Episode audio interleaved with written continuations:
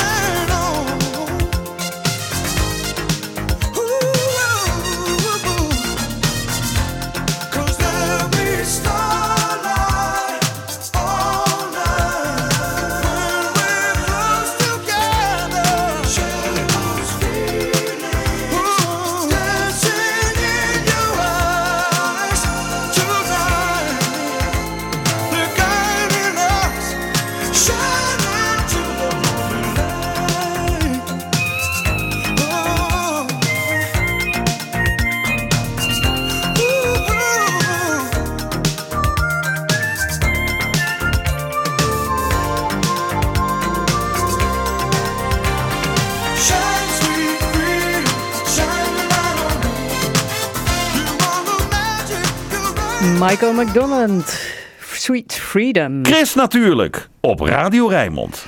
Jet Marot, voorheen van het literaire kindertijdschrift Boekie Boekie, gaat ieder seizoen op zoek naar een plek die past bij de sfeer van het seizoen en de tijd van het jaar. Vandaag een extra lange zomerspecial van. Waar is Jet? Kijk ik naar links, dan zie ik de zee, zie ik surfers en schepen met grote ladingen. Misschien ook nog wel straks zeehondjes. Kijk ik naar rechts, dan zie ik daar windmolens en industrie. Waarom heb je nou eh, deze zomer gekozen voor Maasvlakte 2?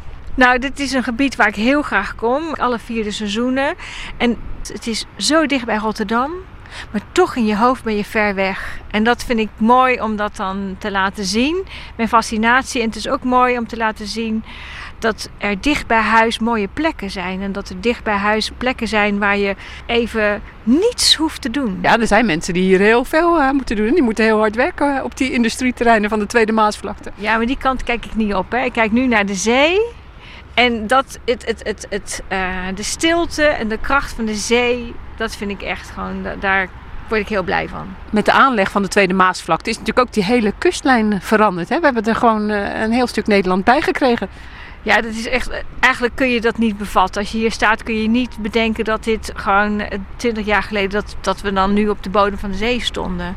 En wat je ook niet kunt bevatten is hoeveel zand hier ligt. En nou, als je alle, alles leest, zoveel miljoen stukken eh, betonnen blokken die ze nodig hadden om het zand vast te houden. Dus het is echt indrukwekkend hoe het zo gecreëerd is, terwijl je dat, dat gevoel dat dit dus man-made is, door mensen gemaakt, dat gevoel is er niet. En dat is ook wel heel fascinerend. In de extra lange zomerspecial van Waar is Jet verkent Jet Mauro voor Chris natuurlijk van Radio Rijnmond de tweede Maasvlakte op allerlei manieren, van boven tot onder, van vroeger tot nu. En we beginnen met onder Jet. Onder water, wat is daar te beleven? Ik bedoel, als je aan het zwemmen bent, dan denk je, is er ook iets onder mij? En dat weet je eigenlijk niet, want de, de Noordzee is een beetje donker. En altijd heb ik gedroomd van duiken. Dus denk, Stel je voor dat ik ga duiken in de Noordzee. Wat zie ik dan? Ik heb al zo'n snorkeltje, weet je wel. Dan kun je wel wat zien. En ik droom altijd nog een keertje van een scheepswrak met gewoon zilveren ducaten. En ik wil weten of dat nou echt waar is. Mijn droom nou een of andere fantasie is of werkelijkheid.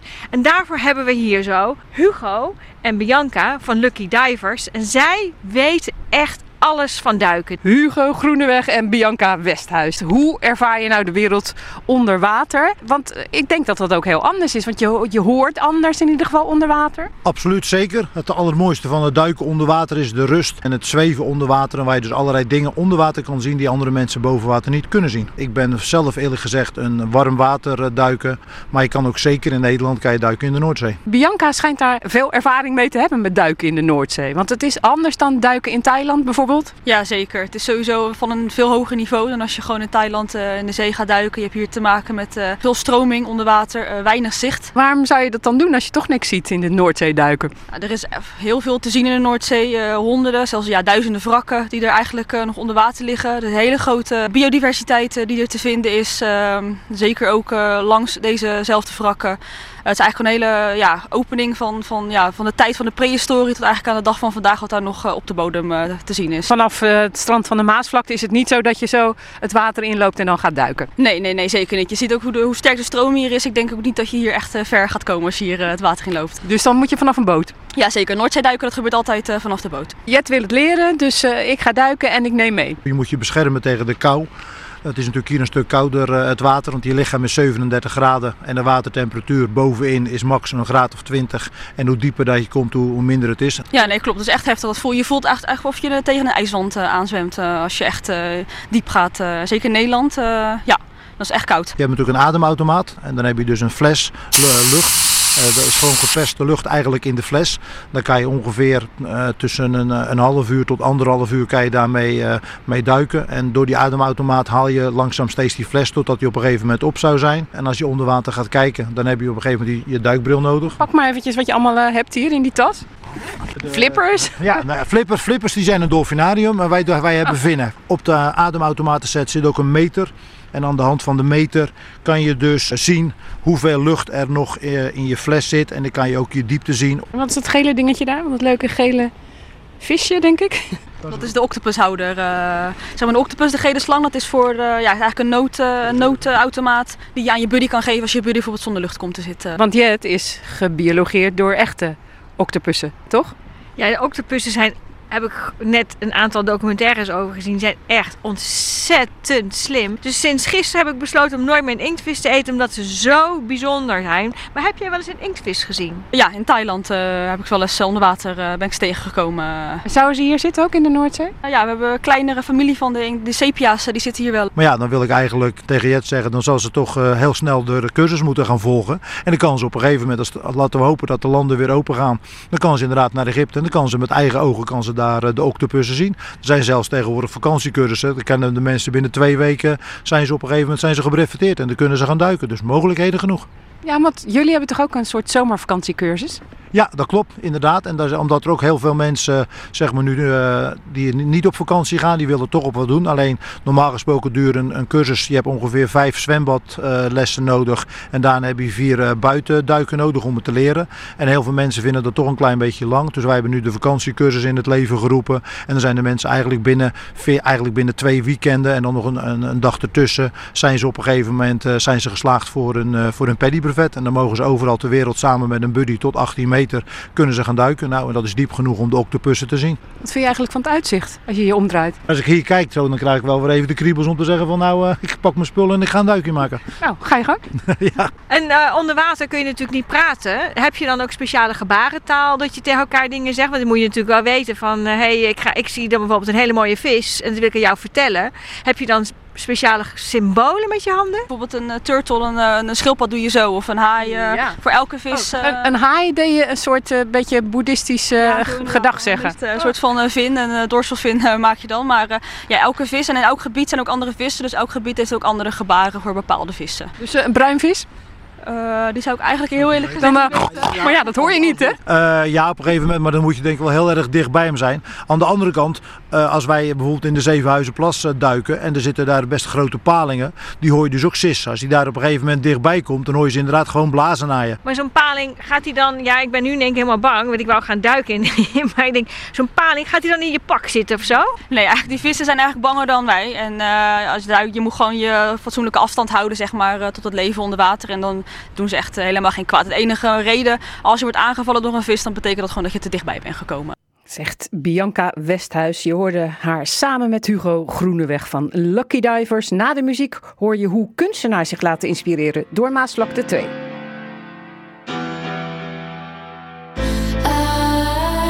I had a dream that I was sinking slow motion. Every superficial moment. I get in all the messy emotions. It's so that I never notice. Every time I cry, I get a little bit stronger.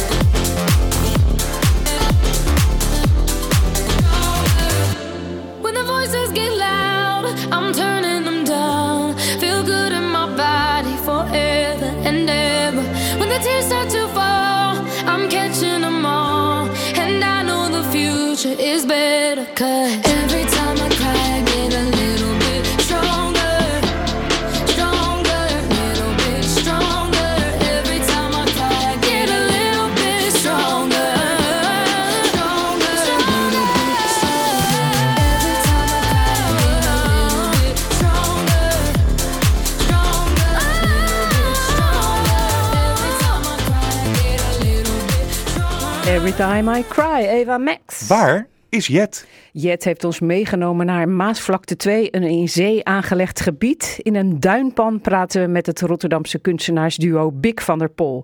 Het duo maakte in 2009 Facts on the Ground, een film over de aanleg van de Tweede Maasvlakte. Vanuit een helikopter gefilmd zie je het nieuwe land laagje voor laagje ontstaan met zand opgezogen uit de Noordzee. Lisbeth Bik en Jos van der Pol die wilden weten of de ingenieurs bij het bedenken van deze nieuwe Maasvlakte ook rekening hebben gehouden met het zo mooi, ma- mogelijk maken van de nieuwe kustlijn. En al maak je het nog zo mooi, het heeft altijd gevolgen, zegt Lisbeth. Ook heb je, heb je verbeelding, bijvoorbeeld hoe een wereld eruit moet zien. Als je ergens begint te peuteren of te graven of te stapelen of te bouwen, dan heeft dat ergens anders consequenties voor de waterhuishouding, voor het zand, voor de grond, noem het, voor mensen, dieren, alles. Wat ik bij jullie film ook zo mooi vond, is eigenlijk dat jullie zowel het mooie, het schone hebben willen laten zien van het, het creëren van land en ook het, het angstaanjagende. En mijn vraag eigenlijk nu is van, nou, je, we zitten nu hier zo in een duinpan. We kijken uit over een beetje een soort pure natuurbeleving die je hier hebt. Dan moet je niet naar achter kijken, naar de industrie. Maar toen je die film maakte, heb je dan dat gevoel gehad dat, het, dat je nu hier in die duinpan zou kunnen zitten? Nee, nee. Dat is natuurlijk heel abstract. Want je vliegt in een heel, hele kleine helikopter vlieg je boven die... eh, nou ja, bijna abstracte handelingen die daar gebeuren. Die, dat zie je ook in die film. Dat, zand wordt gewoon met zoveel kracht de lucht ingespoten. Je denkt, waar blijft dat? En dan die schepen gaan dan weer de zee in om zand op te zuigen. Het is echt een grote stofzuiger. En dan komen ze weer terug. Dit is allemaal pre-drone? Dus we eh, met veel kunst- en vliegwerk hebben een helikoptertje eh, eh, kunnen bemachtigen die hier toch toeristische activiteiten deed. Dan was het ook niet zo duur en die huurden we dan voor twee uur. Nou, dan stap je in zo'n ding en dat is net een brommer in de lucht eigenlijk, heel klein ding. En wat we heel belangrijk vonden, ook van tevoren, is dat idee van tekenen. Ingenieurs tekenen, maar wij tekenen ook. Dus het, het, het schetsen, het tekenen van iets wat nog niet is, is eigenlijk een heel belangrijke handeling. Dus we wilden met die helikopter de lucht in om gewoon te cirkelen, te kijken, oké, schetsen, komt het hier, komt het hier, hoe gaat het eruit zien? Zien we al dat het vorm krijgt, dat gevoel van dat, van dat, van dat helikoptertje als een potlood, als het ware op papier, maar dan heel, heel groot natuurlijk. Dat vonden we eigenlijk heel interessant. En dat, dat, ja, dat, dat gevoel zit ook wel in die film, denk ik. En dan zie je ook vanuit de lucht dat al heel veel van, van de oorspronkelijke schets, van hè, de, de, laat ik zeggen, de basistekening die ergens op een kantoor ligt, zie je dan al langzaam eh, eh, voor je ogen verschijnen op het moment dat ze dus aan het spuiten zijn. Ze waren natuurlijk al een eindje weg, hè, dus wij waren niet bij het begin. En wat ik dan bijvoorbeeld wel leuk vond, dan zie je ineens, ik denk dat er een haai was of zo. Die zie je dan ergens zo onder je zwemmen. En dan denk je, hoe zou het nu zijn met die haai? Ja, zeehond. Het was een zeehond. Was het een zeehond? Ja. ja. Ja, het hele avontuur voor ons was ook tijdens in de helikopter. Je hebt maar twee uur. En je, eigenlijk weet je ook niet, want het is heel spannend. Die, die, de deur bijvoorbeeld werd eruit gehaald. Dus je hangt alleen maar in de veiligheidsriem.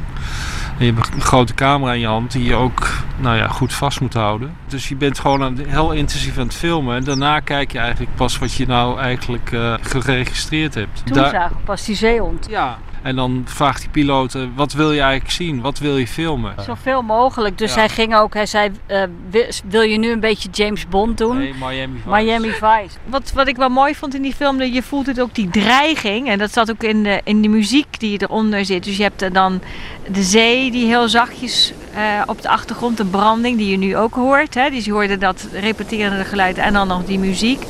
En dan zag je die helikopter als een soort klein oerbeestje. Hoe was gevoel toen je dit maakte? Je, je eigen kwetsbaarheid is er inderdaad ook wel gewoon in het, in het geding. Ja, want je kan gewoon eh, naar beneden pletteren, denk ik. Dat wel eens toch?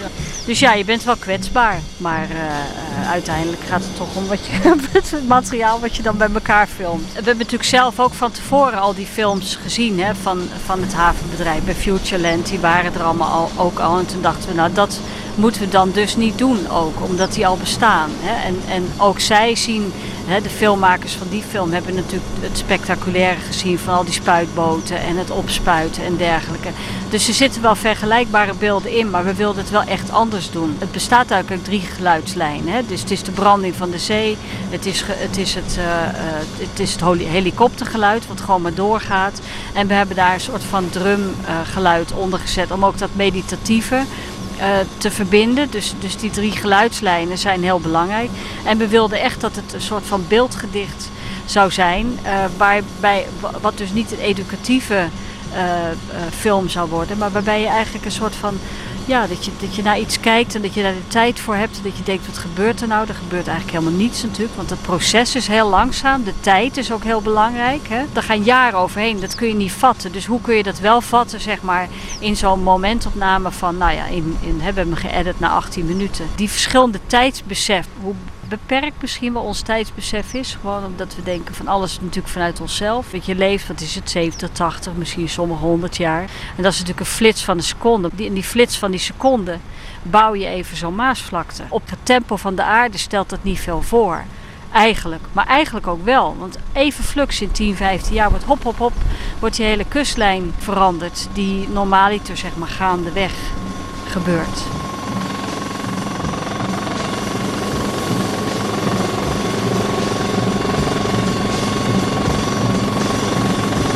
Facts on the Ground heet de film van Big van der Pol. En je hoort ook nog dat geluid van die helikopter. En eh, natuurlijk de drums. Hij is nog steeds te zien op de site chrisnatuurlijk.nl. Daar vind je een linkje. En in de duinen bij het recreatieoord van Maasvlakte 2 staat de Zandwacht van kunstenaarscollectief Observatorium. Ruud Reutlingsberger, die is er ook en we vragen hem hoe groot is die Zandwacht eigenlijk? Nou, die is heel groot, die zandwacht. Misschien wel 30 meter lang en 20 meter breed, 10 meter hoog. Het is een enorm bouwwerk. Bij de Maasvlakte 2 vergeleken is het, het is ook weer niet zo groot. Want alles is hier toch extra, extra large. Dat is maar hoe je het bekijkt. Het heeft allemaal met schaal te maken. De Maasvlakte is een enorme ruimte, maar om die ruimte te kunnen ervaren moet je ook ergens stil kunnen staan. En moet je je even kunnen eh, oriënteren. Waar ben je? Hoe ziet die wereld eruit? En hoe is die wereld ontstaan? En eigenlijk gaat het daar telkens over in dat werk van ons. En met name ook in de zandwacht. Eigenlijk is, is dat een plek om naartoe te gaan die tot de verbeelding spreekt. Hè, als object zelf. Maar ook als je erin gaat zitten en je gaat er een beetje om je heen kijken. Ja, dan zie je die, die, die, die veranderende wereld om je heen. En dat is wat wij interessant vinden, om plekken te maken, bestemmingen in een landschap wat verandert en waar je dat kan ervaren. Het wordt vaak gezegd ook over de, over de Maasvlakte. Hè. Aan de ene kant heb je de zeehondjes. We horen overigens in de achtergrond horen we de gele kwikstaart nu aan ons voorbij komen. Ook heel bijzonder. Dus Eh, hoe weet je dat trouwens? Ben jij zo goed in, eh, in vogeltjes en natuur? ik ben heel goed, maar ik heb het net wel even op moeten zoeken eerlijk gezegd. Wat voor een vogeltje het was. Maar het is een gele kwikstaart. Ja, en die komt normaal op de Veluwe voor, zei je. Ja, dat stond op Wikipedia geloof ik. Maar goed, zo zie je maar weer, alles verandert. De hele wereld verandert permanent. Zelfs voor de natuur veranderen dingen. Maar deze plek, hè, mocht je dit dan ook zelf uitkiezen waar jullie het kunstwerk gingen neerzetten? Wij kregen de vraag van het havenbedrijf om een monument te maken ter viering van de oplevering van de Tweede Maasvlakte. In Rotterdam is dat een bekend gegeven dat als je iets bouwt, straten, pleinen, gebouwen, ja, dan hoort daar kunst bij. Want eh, hoe, waar kun je anders een lintje knippen op die Maasvlakte? Dus ze wilden een kunstwerk hebben. Nou, dan ga je lopen op die Maasvlakte en dan ga je staan. En dan ga je, eh, die Maasvlakte was in aanbouw rond die tijd. En op een gegeven moment sta je op een duin ergens, zo nog midden in de zeehalf en eh, overal eh, bouwkranen. En dan ga je staan en dan ga je denken. En wat gebeurt er als je heel lang stilstaat op een duin? Dan ben je zand aan het vangen en dan word je langzaam maar zeker zelf een duin. En toen dachten we, ja, dat is natuurlijk prachtig. Want het thema van de Maasvlakte is ook bouwen met natuur. Aan de ene kant bouwen, aan de andere kant natuur. Dus wij dachten, van, nou laten we eens een duin bouwen, als het ware. En dan niet een duin waar je dan op kan, maar een duin waar je in kan. En het aardige van dit kunstwerk is, bij de opening in 2015 riep ik, eh, niet geheel gekscherend, riep ik van, en over 15 jaar is die weg. Dus ga nog snel kijken. En inderdaad, wat je ziet is dat hij langzaam maar zeker zand vangt ook echt.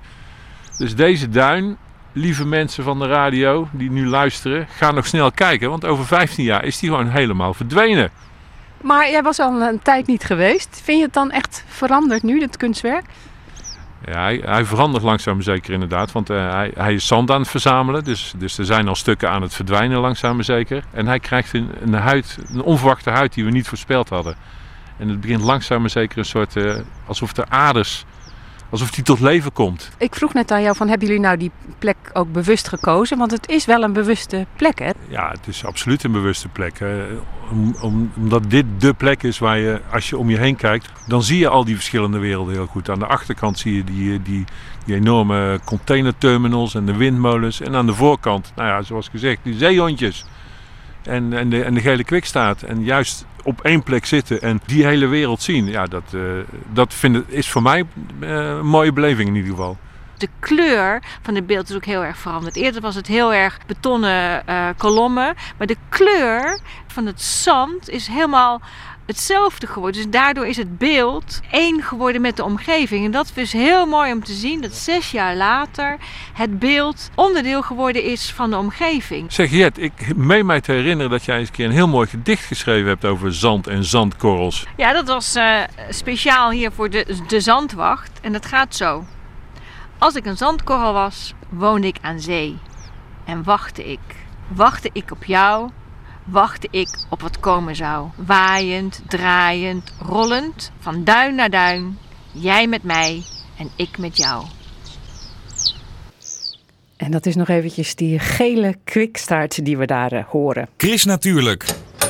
De weekendbijlage. Wat staat er in de weekendkranten over groen en natuur? Je hoort het in het overzicht. Ik lees het samen met Bas van Halderen. Bas, goedemorgen. Hey, goedemorgen. Je hebt er weer naar uitgekeken om het eerste bericht te lezen en ook de rest van het eh, Ja, overzicht. Absoluut, ja. Eh, welke vissen krioelen onder je voeten als je aan het pootje baden bent in de Noordzee? Nou, daarover lees je vandaag in Trouw.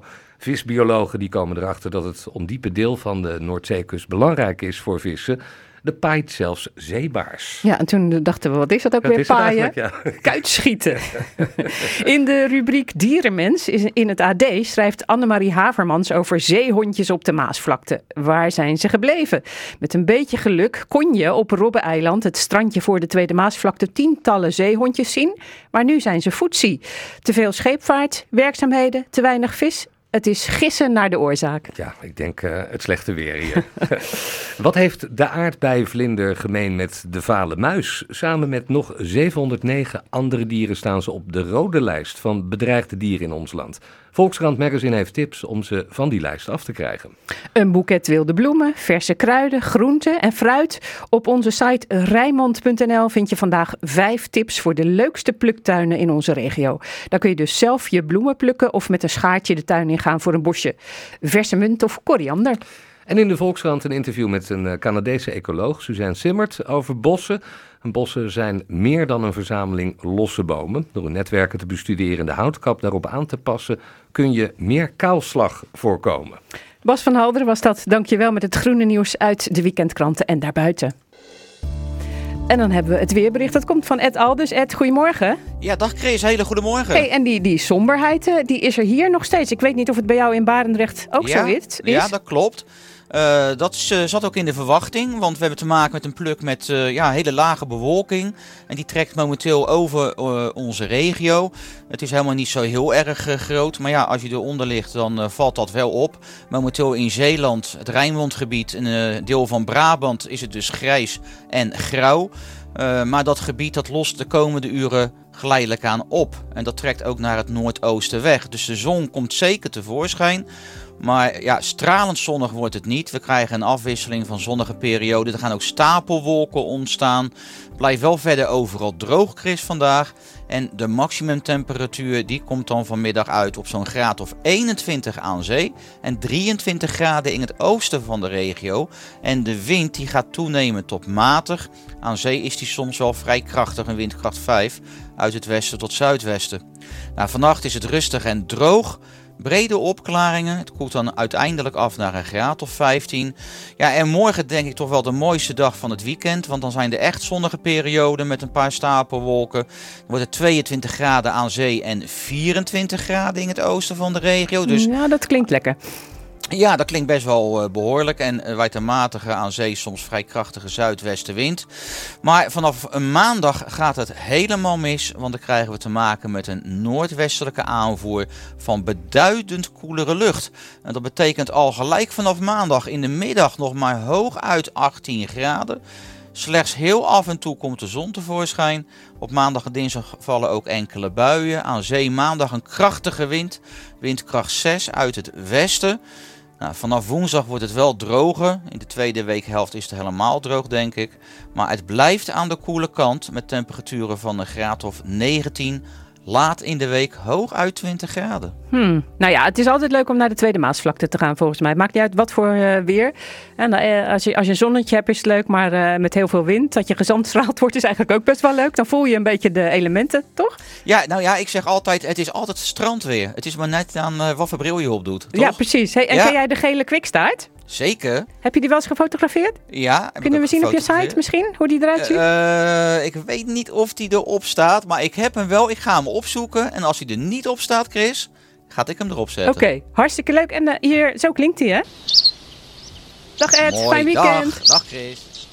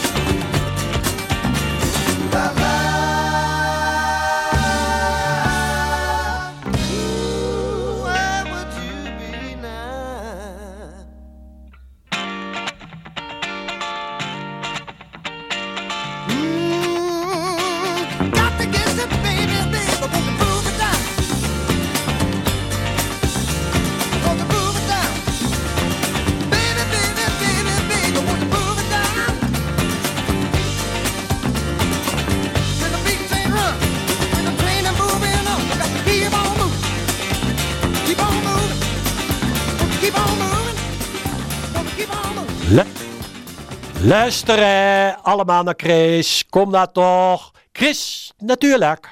Chris natuurlijk is met Jet Mauro op Maasvlakte 2 voor een zomerspecial over dit nieuwe stukje Nederland. Als hoofdredacteur van het literaire kindertijdschrift Boekie Boekie ging het hele team vroeger voor ieder nieuw nummer op pad op zoek naar inspiratie. Jet, het, team was ook een keertje bij het kunstwerk De Zandwacht. Het was toen nog niet helemaal af. Wij mochten dan speciaal eh, een aantal pagina's wijden aan de zandwacht. Dus we zijn eh, verschillende gedichten hebben we over eh, dit beeld. En eh, Eh, was toen eh, een van de redacteuren. En eh, Bianca, jij was toen die keer niet erbij, maar je bent gewoon later nog eens een keertje naar de Maasvlakte geweest om inspiratie op te doen. En je hebt hier zelfs een keer geslapen, heb ik begrepen. Ja, dat klopt, ja. Eh, dat, eh, dat was voor een ander project. Eh, dat was zo rond dezelfde tijd eh, hebben we een, ehm, een nacht op de Tweede Maasvlakte geslapen. Nou, kan je wel vertellen, ik heb geen oog dicht gedaan. Hoe kan dat? Eh, nou, het geluid van de zee is nogal aanwezig, zoals je nu ook hoort. En het eh, stormde toen nog harder dan het vandaag ehm, waait. Ik, ik kwam de tent zowat niet meer uit de dag daarna. Dat de, de ritsen waren helemaal inge... Nou, de, overal, overal zand. Overal gewoon. Ook in mijn dromen, overal. Hier, als je het strand naar beneden gaat, het recreatiestrand, eh, en het begin kijk je eventjes op die borden, dan staat het gedicht wat jij hier ooit hebt eh, geschreven, dat staat ook eh, hierop. Dus dat kunnen mensen allemaal lezen. Maar ook in dat Boekie Boekie tijdschrift van toen, daar staat het ook in. Klopt, klopt. Ik zag op het bord dat het inmiddels de, de kleur van het strand begint aan te nemen. Dus dat is ook goed. Dat alles eigenlijk weer terugkeert naar, naar de aarde. Ehm, en inderdaad, het staat ook in, eh, in de Boekie Boekie nummer 98, ver weg dichtbij. En eh, Nou, dat, misschien moet ik nog even aan Jet vragen, want eh, helaas is dat tijdschrift niet meer goed te krijgen. Maar je kunt het allemaal nog wel online lezen. Ja, we zijn bezig met een nieuwe formule. We hebben nu twee websites. Bookiebookie.nl met streepje en zonder streepje. En als je met streepje gaat, dan zie je daar nog heel veel nummers staan. Eh, Die hebben we allemaal gedigitaliseerd. En we zijn nu aan het kijken hoe we van twee websites één website kunnen maken. Maar je kunt het nu in ieder geval nog digitaal lezen. En nu horen in ieder geval het gedicht van Bianca over de zandwacht. ja, en eh, in die tijd was mijn dochter een kleuter en nogal gefascineerd door uitwerpselen. Dat zullen jullie horen. Zandwacht. Dit strand van opgespoten zand was ooit de bodem van de zee. Mannen met helmen maakten hier land. Verse kust waar westenwind loeit, is pas af als er nieuw leven groeit. Biestarwegras is net als loogkruid, de rest van de planten ver vooruit. Later verschijnen de konijnen, vliegt een tureluur in het schemeruur. Dit strand dat met opspuiten begon, kreeg als cadeau een duin van bogen. Mannen met helmen goten beton. Dat nieuwe beeld aan zee gelegen is pas af als het vleugels heeft gekregen. Door korstmos welkom is geheten en door meeuwen wordt bescheten. En hoe is het nu met je dochter? Ze moest nog steeds heel hard lachen toen ik het voorlas. Laten we even lekker het strand eh, opgaan. En misschien vinden we daar nog wel een, eh, een eh, mammoetkeuteljet of zoiets uit, eh, uit lang vervlogen tijden. Want je kan hier heel veel fossielen vinden. Ja, dit is een steen, dat is wel weer heel boeiend. want Die steen heeft eh, twee kanten. Kijk, hier kun je je vingers op leggen. Dus het kan dus zijn dat dit een klein in- een, eh, een gereedschapje geweest is. Dus dat ga ik dan straks vragen. Want ik denk dat dit echt wel een instrument geweest is, eigenlijk. Als ik het nu goed bekijk. Maar mooi uitzicht ook hier, hè, vanaf het strand. Heerlijk, ja, absoluut. We waaien hier bijna uit onze sokken. Eh, en vanaf hier is de zandwacht ook weer heel mooi te zien. Ik vind het wel zo grappig dat het hier, vanaf hier lijkt het echt maar een muggenpoepje. Ja, en die eh, windmolens, eh, die doen het goed, hè? Die doen het zeker goed, ja. Dat, dat, dat, die waren er volgens mij toen nog niet. Kitesurfers, waren die er toen? Die waren er echt zoveel. Dat is ongelooflijk, ja. Hey, en zouden we zeehondjes zien nu, denk je? Eh, daar is nu te veel wind voor, denk ik. En eh, het is wel heel mooi dat als je langs het strand loopt en jij ziet het zeehondje en het zeehondje ziet jou, dan lopen ze met je mee. En dat is heel mooi, dat heb ik een paar keer gehad. Er waren er twee en dan ging ik stilstaan en dan stonden zij ook stil. Nou ja, sommigen ze niet. En zeehondjes zijn ontzettend nieuwsgierig. Je moet ver van ze blijven, want ze hebben echt gemene tanden. Hey, en hebben jullie zin in een duik? Ja, absoluut. Ik heb een badpak bij me. Oké. Nou, eh, rennen maar dan. Oké, daar ga ik. Daar gaan ze Jet Maro en Bianca Boer en wedden dat ze straks zin hebben in een lekkere vette hap.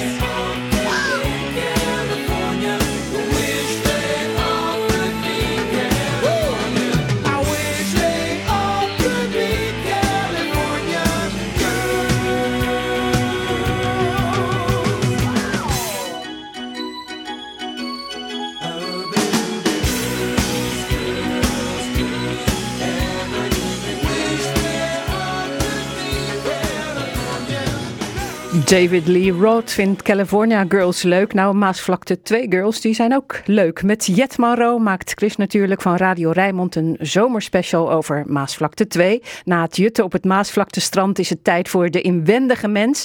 Bij de Smikkel in Balkon van Europa op het uiterste puntje van de Maasvlakte gaan we snacken. Jet, wat neem jij? Nou, in ieder geval een patatje klein met eh, pindasaus. En misschien hebben ze ook nog wel een... eh, ja, ik wil natuurlijk een biologische biobal. Maar die hebben ze ongetwijfeld niet. Ik heb ook een broodje zalmsalade. Hier hebben ze nog meer, hè? Kom Jet, we mogen erachter.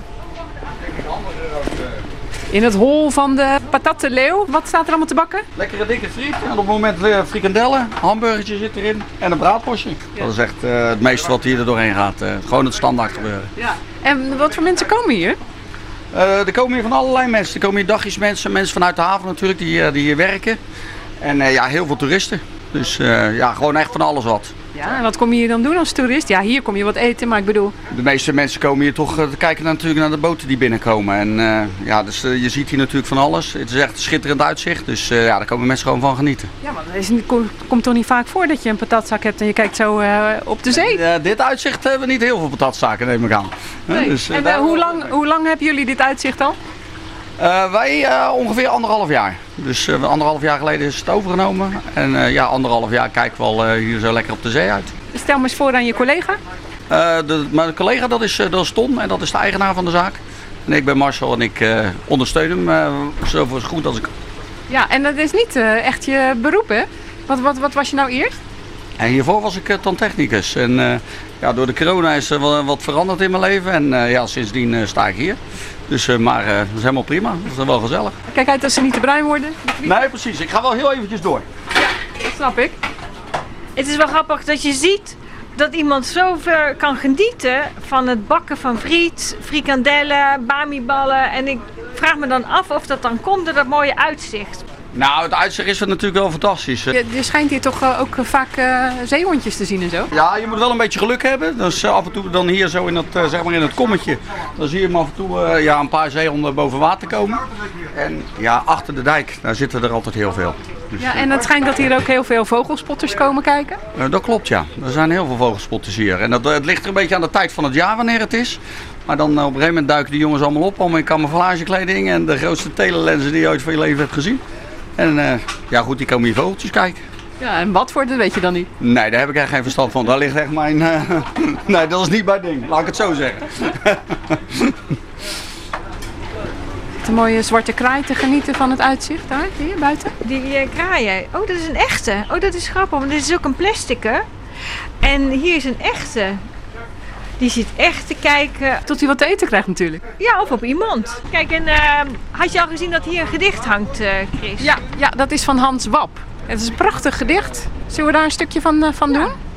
Hollands landschap, waar de weg ophoudt, het niemandsland begint, waar industrie staat tot aan de rand van de zee, waar schepen zand opspuiten van niet bestaande kavels, waar in de verte een door loodsen bestuurd schip de haven binnenvaart. Daar in het niets, waar perspectief geen houvast heeft, staat een snackbar in de vlakte alleen tegen de wind, die vrij spel heeft in deze woestenij. Daar mag je je bestelling plaatsen. Hoe Hollands kan een landschap zijn? Eén patat, één frikandel. En twee kroketten.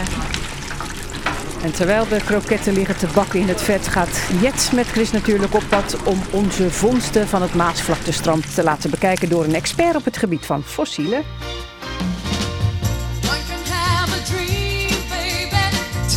have a dream,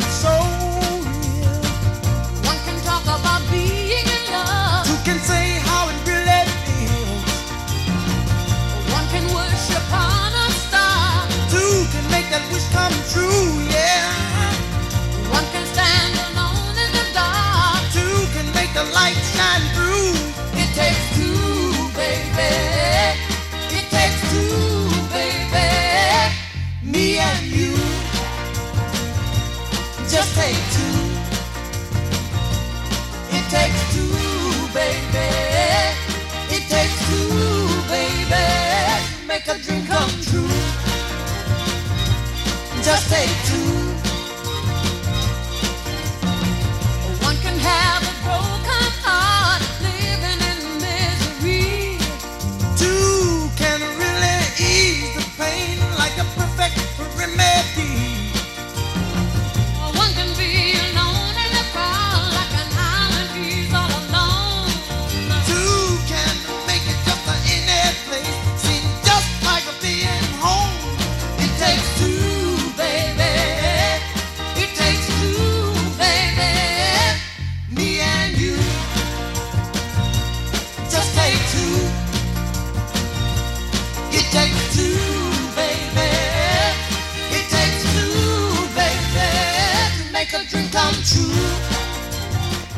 It takes two, Maasvlakte 2. De vakantietip is vandaag een beetje van Chris en een beetje van Jet. Op het strand van Maasvlakte 2 hebben we fossielen gezocht. Onderweg naar huis gaan we nog eventjes met onze vondsten naar Historyland in Hellevoetsluis. En daar ontmoeten we Dick Mol. Dat is een beroemde amateur-paleontoloog die vaak in het museum te vinden is. Ja, ik ben verbonden aan eh, Historyland in Hellevoetsluis.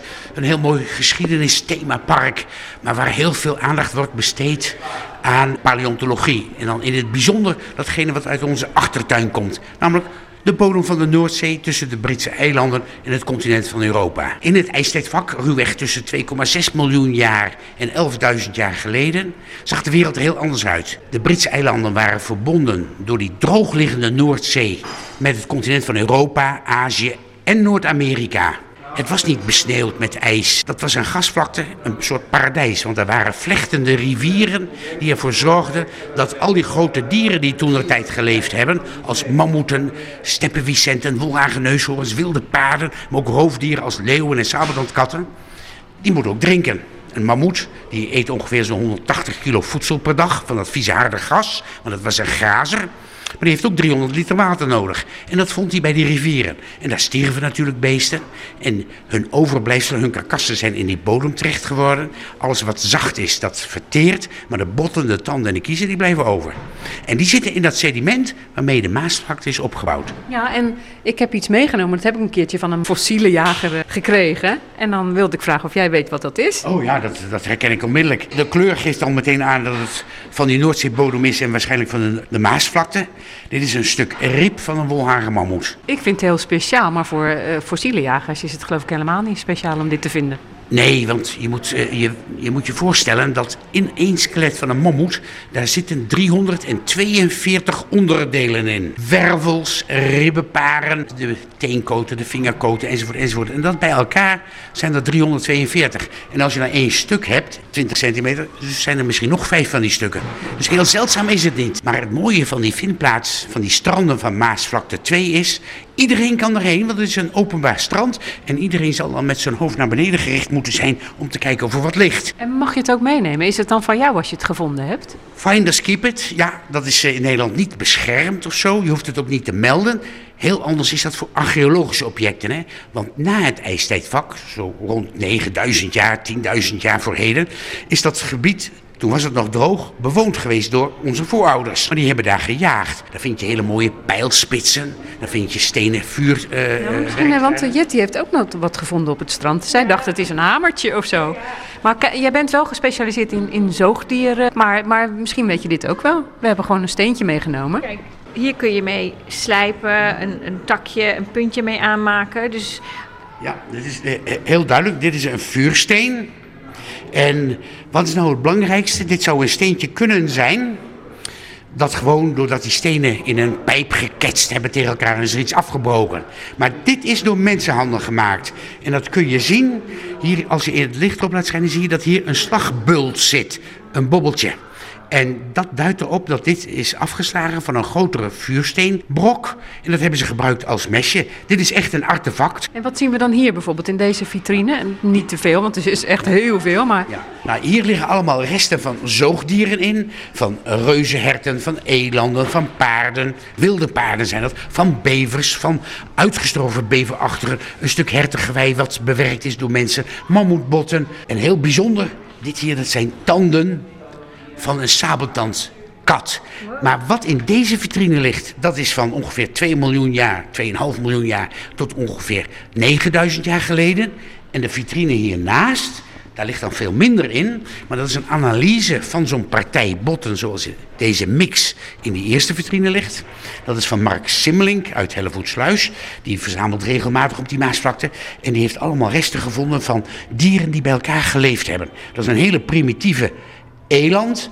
Het nijlpaard, want dat kwam hier ook voor. Een hele primitieve mammoet van ongeveer 2 miljoen jaar oud. Een bosneushoorn.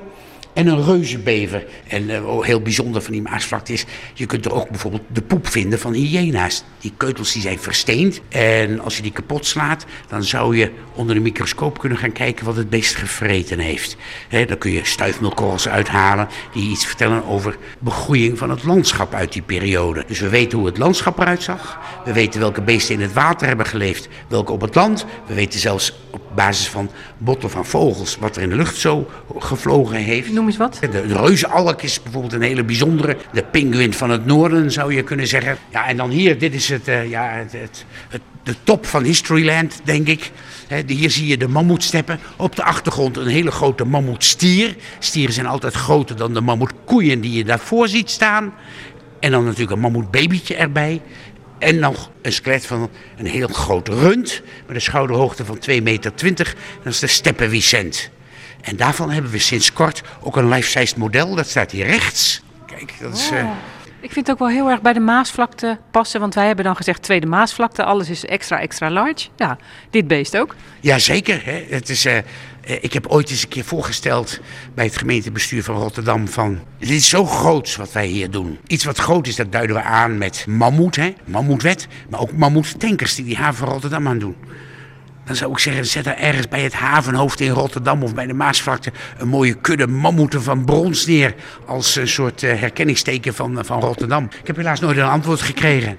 Nou, misschien komt het na dit programma, je weet het niet, hè? Dat Nou. zou altijd kunnen. En de wonderen zijn nog niet de wereld uit. Nou, hier eindigt onze tocht rond en over de Tweede Maasvlakte en een beetje naar Hellevoetsluis, omdat we toch natuurlijk ook nog eh, het eind wilden weten. Wat, wat vond jij ervan, van deze dag? Ja, voor mij was dit echt een soort eh, tijdreis. Ik ging eh, onder water, ik was boven water, ik was onder het zand, ik was tussen het zand. Ik heb zoveel eh, nieuwe inzichten weer meegenomen. Dat is nou echt een vakantiedag. Je komt met een tas vol met nieuwe ideeën en zo kun je de herfst vrolijk tegemoet gaan.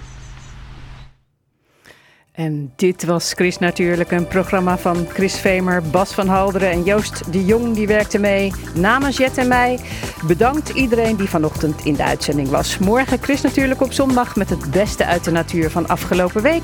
Volgende week zaterdag de tuin van Hospice, de liefde zoekt vrijwilligers.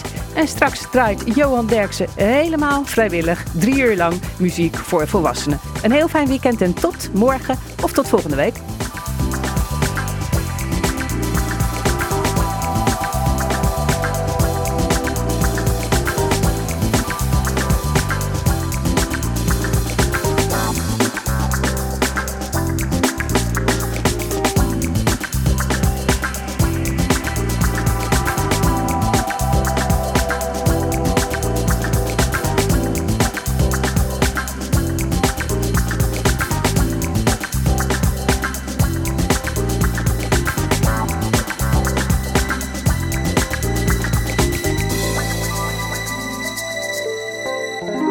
Natuurlijk. Kijk ook op chrisnatuurlijk.nl